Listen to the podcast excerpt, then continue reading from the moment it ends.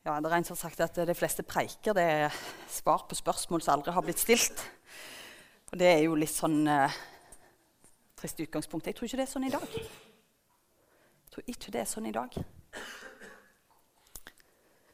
Det høres kanskje litt overmodig ut, og det er alt annet enn hva jeg føler meg. Men eh, jeg tror Jesus har sett oss stevne her i dag. Han vil møte oss. Han vil oss noe i dag. Det er min overbevisning. Og vi skal se litt på Johannes 14 i dag. Og ta oss slå, slå opp i Johannes 14. Eh, noen har med seg Bibelen. Fint. Dere må bare slå opp i Johannes 14 her og nå. Gjør det hjemme. Gjør det når du er for deg sjøl. Det er ufattelig masse der, og jeg kommer ikke til å gå gjennom vers for vers. Men vi skal lese teksten i dag. Um, men jeg tror før jeg, jeg, går til Så det er fint nå har dere klart dere som har, har, med dere bibler nå, så har jeg fått påminninger om, til dere om, om å ta fram disse versene her. Ikke la det bli varende her. Um, jeg er litt skjelven. Jeg er litt mer skjelven kanskje enn jeg pleier å være eh, når jeg skal dele noe. Og jeg, det henger litt i meg. Jeg var en plass i går. Jeg var på Vigeland i går. På et bedehus der så kanskje noen av dere har hørt at det er noe som skjer. Noen kaller det for vekkelse. Det er noe som har blitt rørt opp i der i flere uker, flere måneder etter hvert. Der er noen som har jeg er ikke blant dem, men, men, noen har minner fra vekkelser som har vært tidligere, og, og som kjenner igjen noe av det som skjer der. Um, og så var vi en liten delegasjon nede i går. Uh, ikke som observatører, men for å komme ned og, og, få litt av det. Og lytte oss litt inn på Gud, hva er det du finner på? Hva er det du gjør? Er det virkelig sånn at det der vekkelsesvindene som vi har hørt om tidligere, som vi vet har slått ned i lokalsamfunnet og virkelig forandra på folk, på relasjoner, gitt håp og mot Er det sånn at det beveger seg på den måten ennå? Vi har det jo her i hverdagen, vi vet vi har Guds ord. Men er det sånn spesiell bevegelse? Og jeg kunne sagt så mange ting. Jeg kunne brukt hele tida mi her på å dele inntrykkene mine derifra. Skal jeg, skal ikke gjøre det, men det som slo meg når jeg var der nede ja, Jeg fikk et møte med noen fordommer. Jeg hadde nok sett for meg et litt sånn tilårskomment publikum i det store og det hele. Men det var, det var ungdommer. Det var voksne på min egen alder. Det var gamle. Det var egentlig en sånn bare det i seg sjøl å se så mange forskjellige folk samla. Så bare strømte til. Vi kom der tre kvarter før og tenkte vi hadde tatt godt i. Da var det så å si fullt. Proppfullt, altså med ekstra klappstoler og hele pakka. Og så eh, ser vi liksom rundt oss at her er det jo all slags folk. Noen hadde beskrevet litt sånn, ja, det er litt sånn evangeliesenterstil. Og, så og da ser du litt for deg en type folk som er der. Men ja, det var noen av de som livet virkelig hadde herja med. Det var der. Og så var det såkalt som vi ofte kaller for såkalt ressurssterke folk. Så jeg tror virkelig jeg følte seg ressursfattig og bare kom der for de trong ordet. De trong det som ble formidla der. Jeg, kunne, jeg, hadde egentlig mer enn nok med å håndtere alt det jeg kjente på når jeg kom inn i det lokalet, for det slo virkelig imot meg. Det var en spesiell atmosfære. Um, og i den grad jeg, jeg, klarte å tenke noe utenom det å for, forholde meg til det så jeg kjente på sjøl, så, så, kunne jeg se rundt meg og tenke hvor, hvor kommer alle disse fra? Hvor de kommer fra? Hvordan, hvordan har de blitt tiltrukket der? Og så kan jeg tenke når jeg ser utover oss her òg Hvor kommer dere fra? Jeg vet noen av dere hvor dere bor. Ikke alle. Men hvor kom du fra i dag? Hvordan gikk du, eller kjørte du hertil? Hvor kommer du fra denne morgenen her når, når Gud kaller deg? Hva er grunnen til at du er her i dag? Det kan være mange svar på det. Hva tilstand du er i. det mest påfallende med alle disse her forskjellige folk, og I går var det, det var vitnemøte på Vigeland. Og det var bare den ene etter den andre. Det var, du, ofte så ser vi for oss vitnemøte så litt sånn pinlige pauser. Liksom, det, det var ingenting tendens til det. Det var bare en lang kø med folk som så tydelig var kalla fram av Den hellige ånd for å si noe om hva Jesus hadde gjort i livet deres. Og jeg har jo hørt sånne vitnesbyrd mange mange ganger etter hvert i, i, et langt liv med Jesus. Og så blir det liksom nytt allikevel. Enda det bare er av, variasjoner kanskje heller over, over, ting du har hørt tidligere. Det blir nytt. Og da er det Den hellige ånd. Det er helt sikkert. Jeg vet ikke helt hva hvis du, når, vi, når vi er ute og går på 17. mai og sånne så, så har vi et banner over, over oss. Vi liksom hører til en eller annen. Jeg vet ikke helt hva, hva merke eller hva banner du følte når du, når du, kom inn her i dag, hvis du skulle sitte for deg et eller annet banner du gikk under. For, for Han har sett et merke over deg. I Bibelen står det sånn Hans merke over deg er kjærlighet. Sist jeg talte, tror jeg jeg siterte det samme. Det står i Høgsongen. Det er et slags banner å gå under. Og På 17. mai så er det sånn når vi går under et banner hvis du, hvis du, går for fort eller for seint, eller hvis du bare kommer i drøs med si, feil folk for det formålet, så havner du plutselig under et helt annet banner enn det du egentlig hørte til. Det er lurt å se opp og se hvor er det du går? Hva banner gikk du unna når du kom inn her denne morgenen? For det er et seiersbanner Jesus har sett oppover oss. Den kjærligheten som han representerer, det er et seiersbanner som vi skal få gå under. Det er ikke sikkert du føler at hverdagen din er sånn lang serie med triumfer. Men han, han har triumfert. Hans merke, det er et seiersmerke se opp. Det som er teksten i dag, den minner oss om å trekke nærmere til Han. Til hans banner, til hans parole, til der han er, til hans person. Sånn at vi kan komme tettere på han og kjenne at jo, det er hans merke vi har over oss. Det er hans nærvær vi får lov til å gå. Og For meg personlig så har teksten i Johannes 14 en helt spesiell atmosfære med seg. Da jeg tilbake våren 1996. Da var jeg russ. Jeg og noen venninner hadde en veldig skranten bil som allikevel tok oss fra A til B hele det året på et eller annet underfullt vis. Og i den skrantende bilen lå der et litt sånn eh, merkelig utgave av Guds ord. Det var et Nytestament. Jeg tror de kalte det for eh, OL-testamentet. For Det var visst trykt opp i forbindelse med OL på Lillehammer i 1994. Så det var en veldig lite leservennlig utgave, men i alle fall, den gikk opp av seg sjøl i Johannes 14. Og det var på morgenen der når vi kom til skolen, så måtte vi bare ha med oss noen ord for dagen. Og da var det stort sett alltid noe fra Johannes 14, for det var det så tett imellom gullkodene. Dere har sikkert hørt mange av de der er så mye sitatverdig i Johannes 14 at egentlig kunne jeg bare brukt hele tida på det, men det skal jeg ikke. Men, men, det er der det står La ikke hjertet deres uroes. Tru på Gud og tru på meg. I huset til far min er det mange rom. Var det ikke sånn jeg hadde, hadde jeg, så hadde jeg ikke sagt det, at det er mange rom. Jeg er veien, sanninga og livet. Hun har hørt, kanskje, fra vi var små, eller i alle fall siden vi begynte å vandre med Jesus. Den som har sett meg, har sett Faderen, står det der. Ber dere om noe i mitt navn, så skal dere få det. Det er kapittel for de store løftene. Um, og nydelig står det òg. Jeg lar dere ikke være igjen som foreldreløse barn. Jeg kommer til dere. Løfter om Den hellige ånd. Og avslutningen òg. Sikkert mange av dere som har hørt. Fred gir jeg dere. Min fred gir jeg dere. Ikke sånn som verden gir. Min fred, lover Jesus oss i dette kapitlet. Du trenger ikke leite for å finne skattene i Johannes 14. Det er en tekst som passer for overganger i livet, sånn som jeg satt der i den der utrangerte bilen og las et vers til trøst for det at jeg var russ. Og jeg sto overfor ei ny tid i livet mitt. Og jeg skulle alltid nesten ha en veldig viktig eksamen eller en prøve. Og bak i hodet så lå det at disse, ukene nå, det er liksom de siste vekene i lag med noen relasjoner som har vært så viktige for meg gjennom flere år.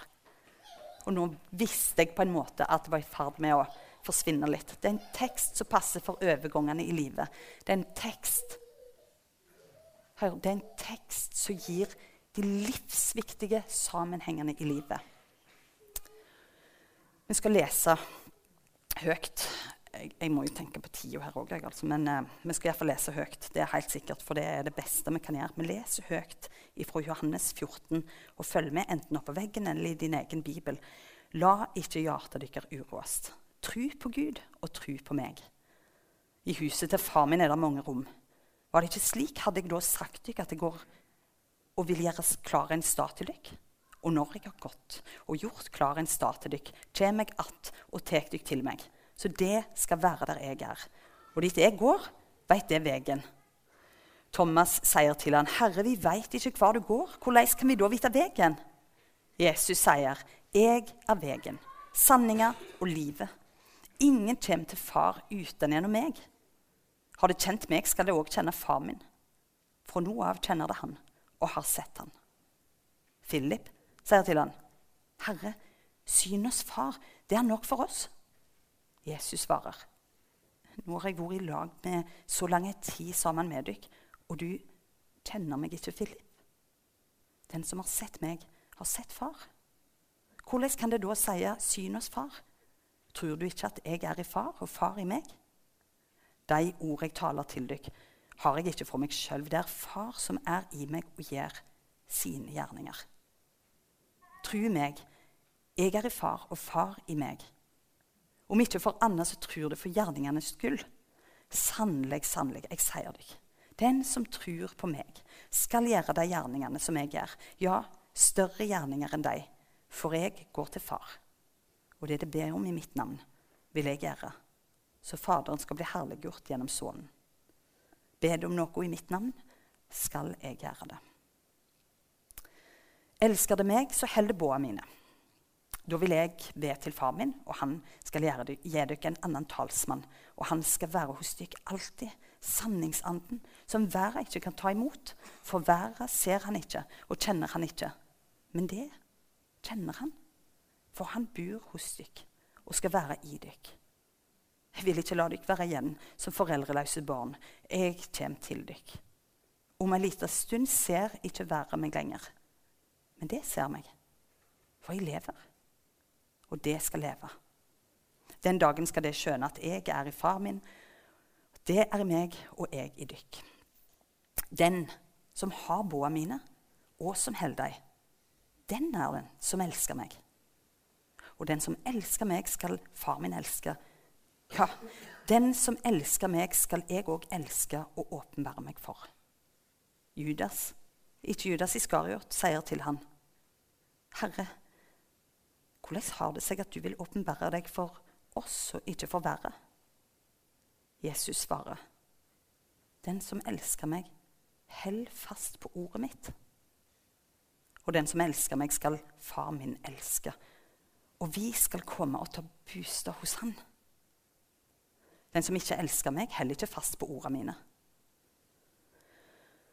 Og ordet det hører, er ikke fra meg, men fra Far, Han som har sendt meg. Dette har jeg sagt dere enn jeg ennå er hos dere. Men talsmannen, Den hellige ande, som Far skal sende i mitt navn, han skal lære dere og minne dere på alt det som jeg har sagt dere. Fred etterlater jeg dere. Min fred gir jeg dere. Jeg gir dere ikke fred på samme måte som været gjør det. La ikke hjertet deres uroes, og vær ikke motløse. Det hørte at jeg sa, jeg går bort, og jeg kommer til dere igjen. Elsker det meg, så gleder det dere over at jeg går til far, for far er større enn jeg. Nå har jeg sagt dere dette før det hender, så dere skal tru det når det hender.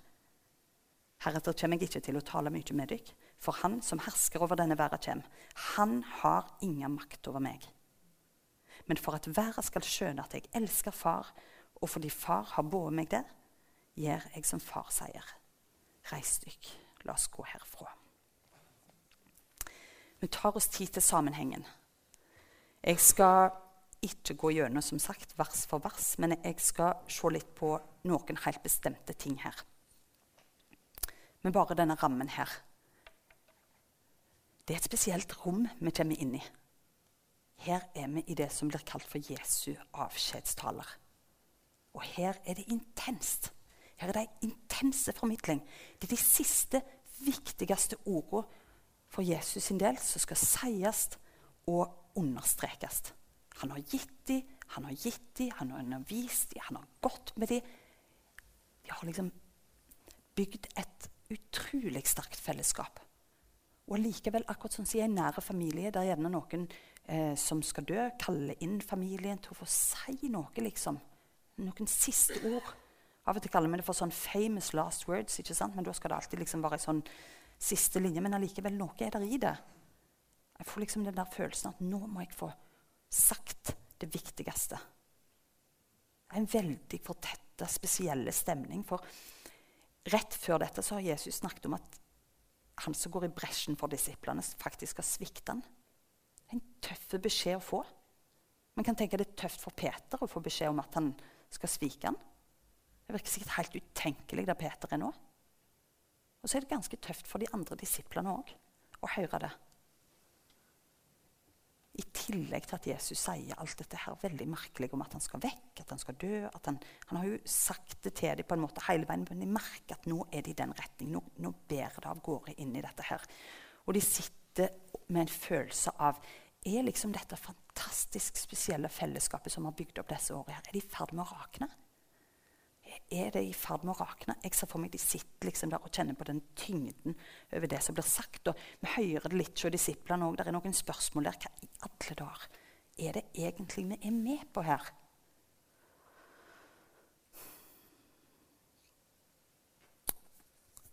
Midt i dette her så er det en invitasjon fra Jesus. Kom nærmere. Trekk inn her. Kom inn i denne her sirkelen. Her er det et lys. Jesus er verdens lys. Her brenner det en varme.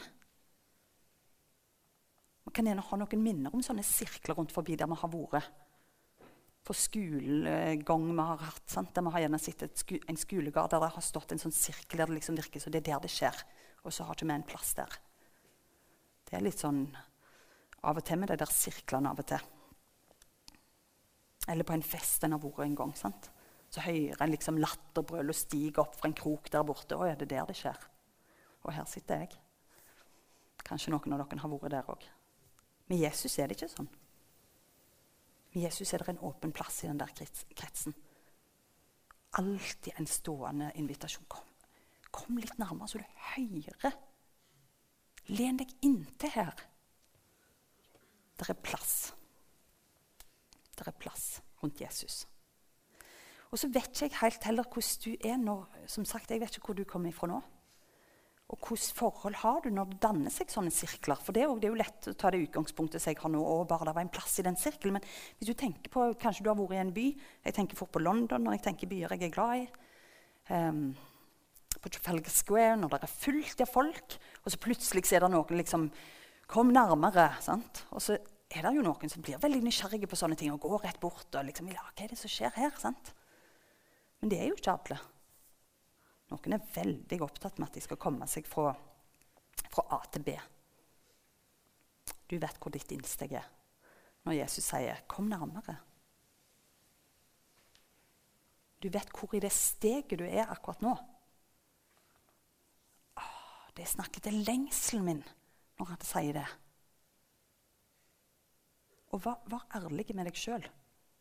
Er det òg sånn at å, det, kan litt, det, kan bli litt, masse? Kjenner du at du akkurat er litt der på hælen vipper litt bakover? Å, det blir så intenst. Jeg tror Jesus setter oss på et sånt skille. Han er enormt inviterende. Men han vil ha deg der.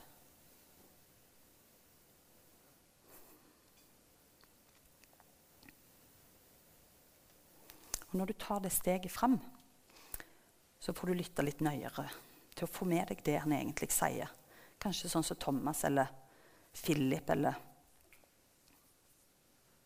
Thomas han spør en gang til. Han forstår det ikke helt. Philip han, han også avslører at han ikke helt forstår det. Han, han virker jo mest som framkaller en slags skuffelse hos Jesus. sant? Men det, det er liksom en ærlig respons. Han, forstår, han forstår det ikke helt. Og Jesus møter han der. Jesus møter han der. Og kjenn litt etter når du får den invitasjonen. Jesus kaller deg inn. Kom nærmere. Det er et av de ordene jeg er helt overbevist om at jeg flere ganger har fått opp før denne talen. Og det er ikke bare til meg sjøl, det er til oss. Kom nærmere. Kjenn etter hvor i det steg, i den bevegelsen du er. Vi snakker ofte her i Bedehuskirka om at vi skal be for de som lener seg inn. Ikke hopp over deg sjøl der. Lener du deg inn på Jesus? Et uttrykk som hele tida har dukket opp i tillegg til 'kom nærmere'. En enkel invitasjon fra han som står med de der sårmerkte hendene, og som vil røre deg.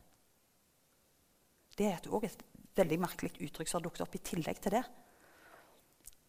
Og det er en del av det engelske ekteskapsløftet 'to have and to hold'. To have and to hold. Dere har sikkert hørt det, selv om noen sikkert avla de som har avlagt det løftet, har sikkert avlagt det på norsk i det store og det hele. Sikkert hørt det i filmer og andre. Have and to hold. Et fint uttrykk, men med typisk sånn faste uttrykk så er det ikke alltid at vi sitter og tenker så veldig hva som ligger i det. Jeg har iallfall ikke gjort det. Men plutselig så merker jeg til det ser rytmen i de versene jeg har tenkt å si litt mer om her. For det er tre vers som dere må se en gang til på. Vers 15, vers 21, vers 23. Jeg skal bare lese dem igjen. Vers 15. Elsker de meg, så holder båa mine. Vers 21. Den som har båa mine, og som holder dem, den er det som elsker meg. Vers 23. Den som elsker meg, holder fast på ordet mitt. Starten av det verset. Har og hell.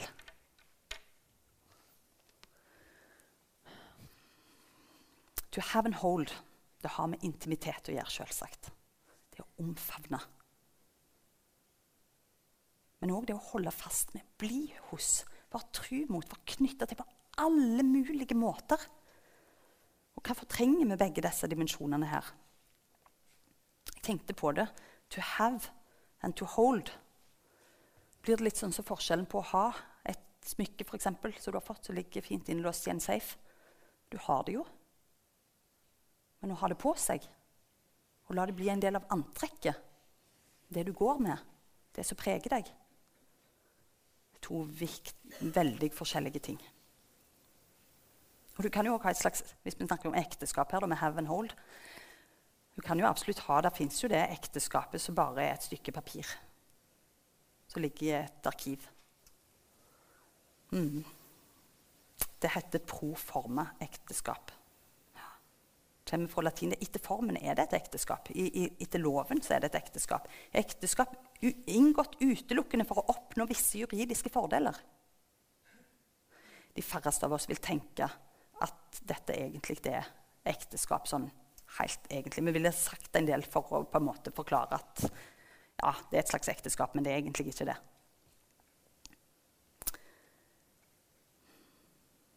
Det er bare ei form. Sånn går det òg an å ha det med Jesus. Han inviterer til et ekteskap. Ekteskap er den mest brukte metaforen, mest brukte bildet på forholdet Gud har til oss, sitt folk. Og det er en grunn for det.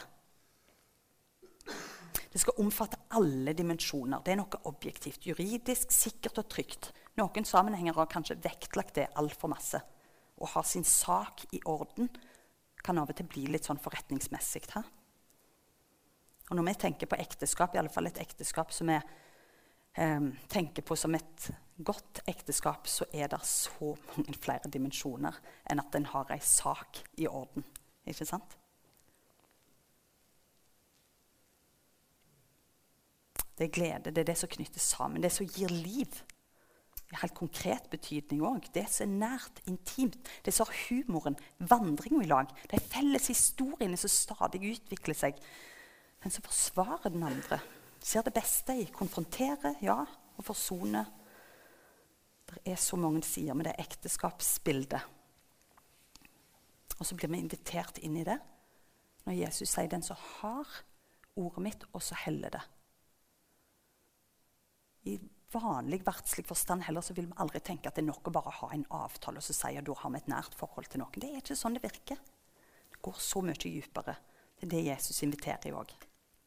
Og så blir det av og til sagt ja, dette her med Bibelen, for det er jo det. Sant? Den som har ordet mitt, og så heller det. Da må en liksom kjenne til det. Og der står så mye i den Bibelen. Du skal ikke sitere mye fra Bibelen i dagens samfunn før noen vil si ja, men det er å slå folk i hodet med Bibelen. Hiv den tanken på dør. Lær deg Bibelen. Bruk Bibelen. Bruk alle de tekniske duppedittene som er, til å fylle deg med Guds ord. Så, er, fall, så er det iallfall en verdi med de der. For Jesus han, han, På en måte gjør han det litt enklere for oss å forstå her. For når han sier det tre ganger, så bør vi ta hintet. Tre er selvsagt også et hellig tall i Bibelen. ikke sant? Det som blir gjentatt, er veldig viktig i, viktig i sånn jødisk tenkning som Jesus var inne i. Ikke sant? Du gjentar noe tre ganger. Da gjelder det virkelig. Det er en rød tråd i Bibelen òg. Og, og, Jesus og Peter sitt forhold. ikke sant? Tre fornektelser, og så gjenoppretter Jesus Peter gjennom tre ganger. At han får si noe tilbake igjen. Og, og det er Jesus som gjenoppretter han der. Reiser han opp igjen. Men den tendensen vi ser i dag til å gjøre, at det går liksom an å ha en relasjon til Jesus, er avskåren fra hans ord, det, det, det, er rett og slett ikke tilfellet. Og her må vi lytte til det han sier. Det er det er så viktig å komme nærmere. Hva er det han sier tre ganger? Den som har ordet mitt, og så heller det. Heller det nært til hjertet Bruker tid på det. La det bli en del av deg. Så er jo spørsmålet om vi tåler det som Jesus sier her. For det er ikke tvil om at vi har blitt prega av en tenkning. Og dette er vanskelige ting å si. sant? For vi har noen uttrykk som egentlig ikke er så bibelske, men som gir mye mening inn til hva type kjærlighet Gud har til oss. For den står alltid med lag. Vi er alltid velkomne. Og i den forstand er han unconditional, altså uten vilkår. Men når vi ser på det Jesus sier her, så definerer han kjærligheten inn der vi gir vårt gjensvar. Og alle relasjoner vi har her på jord, vitner om det samme. Å tenke seg kjærlighet som noe helt ensidig er meningsløst. Så elsker dere meg, så heller dere budene mine så holder dere ordet mitt. Så holder dere fast på ordet mitt. Det er noe der som Jesus bare vil si i dag. Minne deg på. Ordet hans er ikke en sånn valgfri del der ja, vi ser hva vi får tid til. Vi har så mange muligheter for å la oss bli fylt av Hans ord. Og det fins òg muligheter for bare å gjenta deler det er ikke et krav om at du skal gjennom så og så mye. Men, men gjenta deler av det som er viktig for deg. Ta det opp igjen. La det fylle dagen din. Det forandrer liv. Og Det var spennende det Håvard nevnte tidligere. Det hadde vi ikke snakket om på forhånd. Det traumesenteret i Ukraina som bruker Guds ord for å helbrede. Det er noe av det som er krafta i ordet. Og det er mange som kan vitne om det, mange flere enn vi hører om, som kan vitne om at ordet har virka til helbredelse dypt i livet, i smerte, i helt reelle problemstillinger som en har. Akkurat der en er, der en kom fra den dagen, så kan Guds ord liksom renne inn som en sånn regn som bare sprer seg ut over noe skikkelig sånn torre mark. Du ser for deg det der når plutselig regntida bryter inn. Hvordan en kan transformere et tort landskap. Vatne det og gjøre det så det framstår fullstendig forandra. Og I går hørte jeg mange vitnesbyrd om at nettopp det hadde skjedd. Og Det som var så spesielt med alle de som var framme i går på Vigeland, det var nettopp at de var så lite spesielle. De var så utrolig alminnelige, så velsigna alminnelige. Det var sånn at jeg kunne bare liksom sette meg tilbake og bare tenke Jesus, de, akkurat de tingene der. En føler seg ensom noen ganger. En kjenner at en ikke strekker til. En merker at folk har et annet bilde av hvem jeg er, enn den jeg egentlig er. Når jeg våkner og er aleine og kjenner jeg er redd for den dagen her. Sant? Eller når du har en slektning eller en du er glad i, som bare strever så enormt med å finne mening i livet. Og jeg er sikker det er folk her som har det sånn som det. Hvis dere er litt sånn som meg, så har dere folk rundt dere på alle kanter som leiter. Og så tenner du på det noen ganger sjøl òg. Det kan være tvil. Det kan være bare den følelsen du fikk når jeg snakket om den sirkelen, og hvor i steget du er. Det kan være sorg over at du kjenner at helt ærlig du vipper litt tilbake når den der kretsen former seg rundt Jesus. Kanskje du blir litt sånn småstressa bare av snakk om vekkelsesmøte på Vigeland. For hva kan han komme til å gjøre med deg? Hva kan han røre opp i i livet ditt? Hvilken retning kan han sende deg inn i? Du vet jo ingenting. Puste inn. Se på avslutninga av Johannes 14. Ei fredshelsing. Så han liksom utbroderer. Og det der er en god grunn for at han utbroderer det, og jeg òg skal gå inn for landing her. Med shalom. Sant? Ei fredshelsing. Shalom. Det jødiske uttrykket som jeg syns er helt nydelig. Jeg har en som alltid når han har sendt en lang tekstmelding på slutten, så shalom. Jeg, jeg kjenner det, det er litt sånn herlig. Jeg både må smile av det, og så når jeg får tenkt meg om, så bare det er nydelig med den. Ja, jeg tar, jeg tar uh, definitivt det hintet. Datt lyden ut òg nå? Så, andre er litt mer sånn, de blinker bare litt forsiktig med lyset, men uh, Jeg skal merke meg det til en annen gang.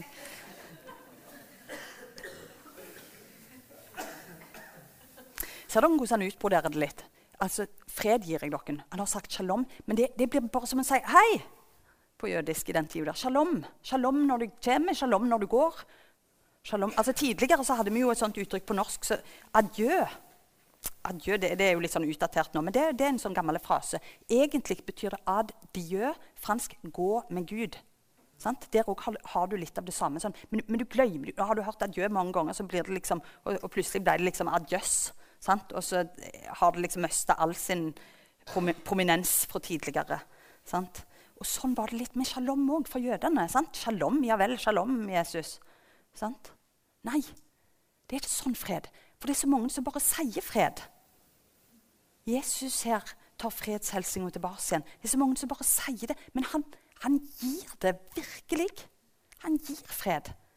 Det er så mange som bare sier fred, men han er fred. Det er hans person. Hans nærvær. Og så sier han noe om Den hellige ånd som kommer. Og han ja, Det er noen merkelige ord. Det må ha vært helt merkelig for disiplene òg. Jeg er sikker på mange av oss også tenker det jo bedre, hadde jo bedre hadde Jesus vært her nå. Sånn tenkte disiplene. Det, jo, det er jo Jesus, bli her. Vi, vi vil jo heller ha deg her. Men da er han på sida av oss. Den hellige ånd har kommet. En annen hjelper. En som er i oss. En som er i oss, en som kan fylle oss, men òg fylle dette rommet her. Så dere, og vi alle sitter i nå. Med et stilt nærvær. Det nærværet som kjenner, tegner all sann vekkelse, enten det er Asbury, på Vigeland, enten det var for 70 år siden. Her i dag Den hellige ånds nærvær. Og det vi skal vite at Plutselig gir det seg helt konkrete utslag. Plutselig får du opp et bilde av noen så du vet Han må jeg snakke med. Hun har jeg såret. Han trenger jeg å tilgi. Det har jeg skjult så lenge. Det er det jeg syns har fått bundet meg så lenge. Jeg må komme ut i lyset med den løgntanken, for den har holdt meg så lenge helt oppi et hjørne. Eller vantru, som sier søndag etter søndag Jeg trenger ikke gå til forbønn. Der kan noen andre få lov til å gå. Der kan noen andre få lov til å stå heller. Sant? For det som jeg har, er så komplisert. Det er så spesielt. Eller et eller annet. Kom fram i lyset. Kom nærmere. Det er du som vet hva det er. Du vet hvor du kom fra i dag. Hans merke over deg er kjærlighet. I dag sitter han sammen med oss. Invitasjonen står ved lag. Kom nærmere. Jeg skal be en kort bønn for oss. Jesus.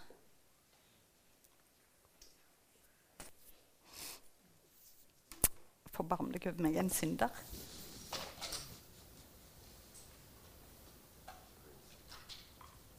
Kom, Herre. Helligånd.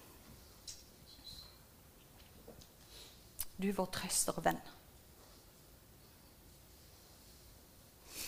Du vår trøster og hjelper og venn, kom og rør ved oss igjen. Du kjenner oss. Du vet hvor vi kom fra. Du vet hvor vi skal hen. Du vet hva som ligger i livet vårt, Herre. Vi inviterer deg til å bare røre opp i det.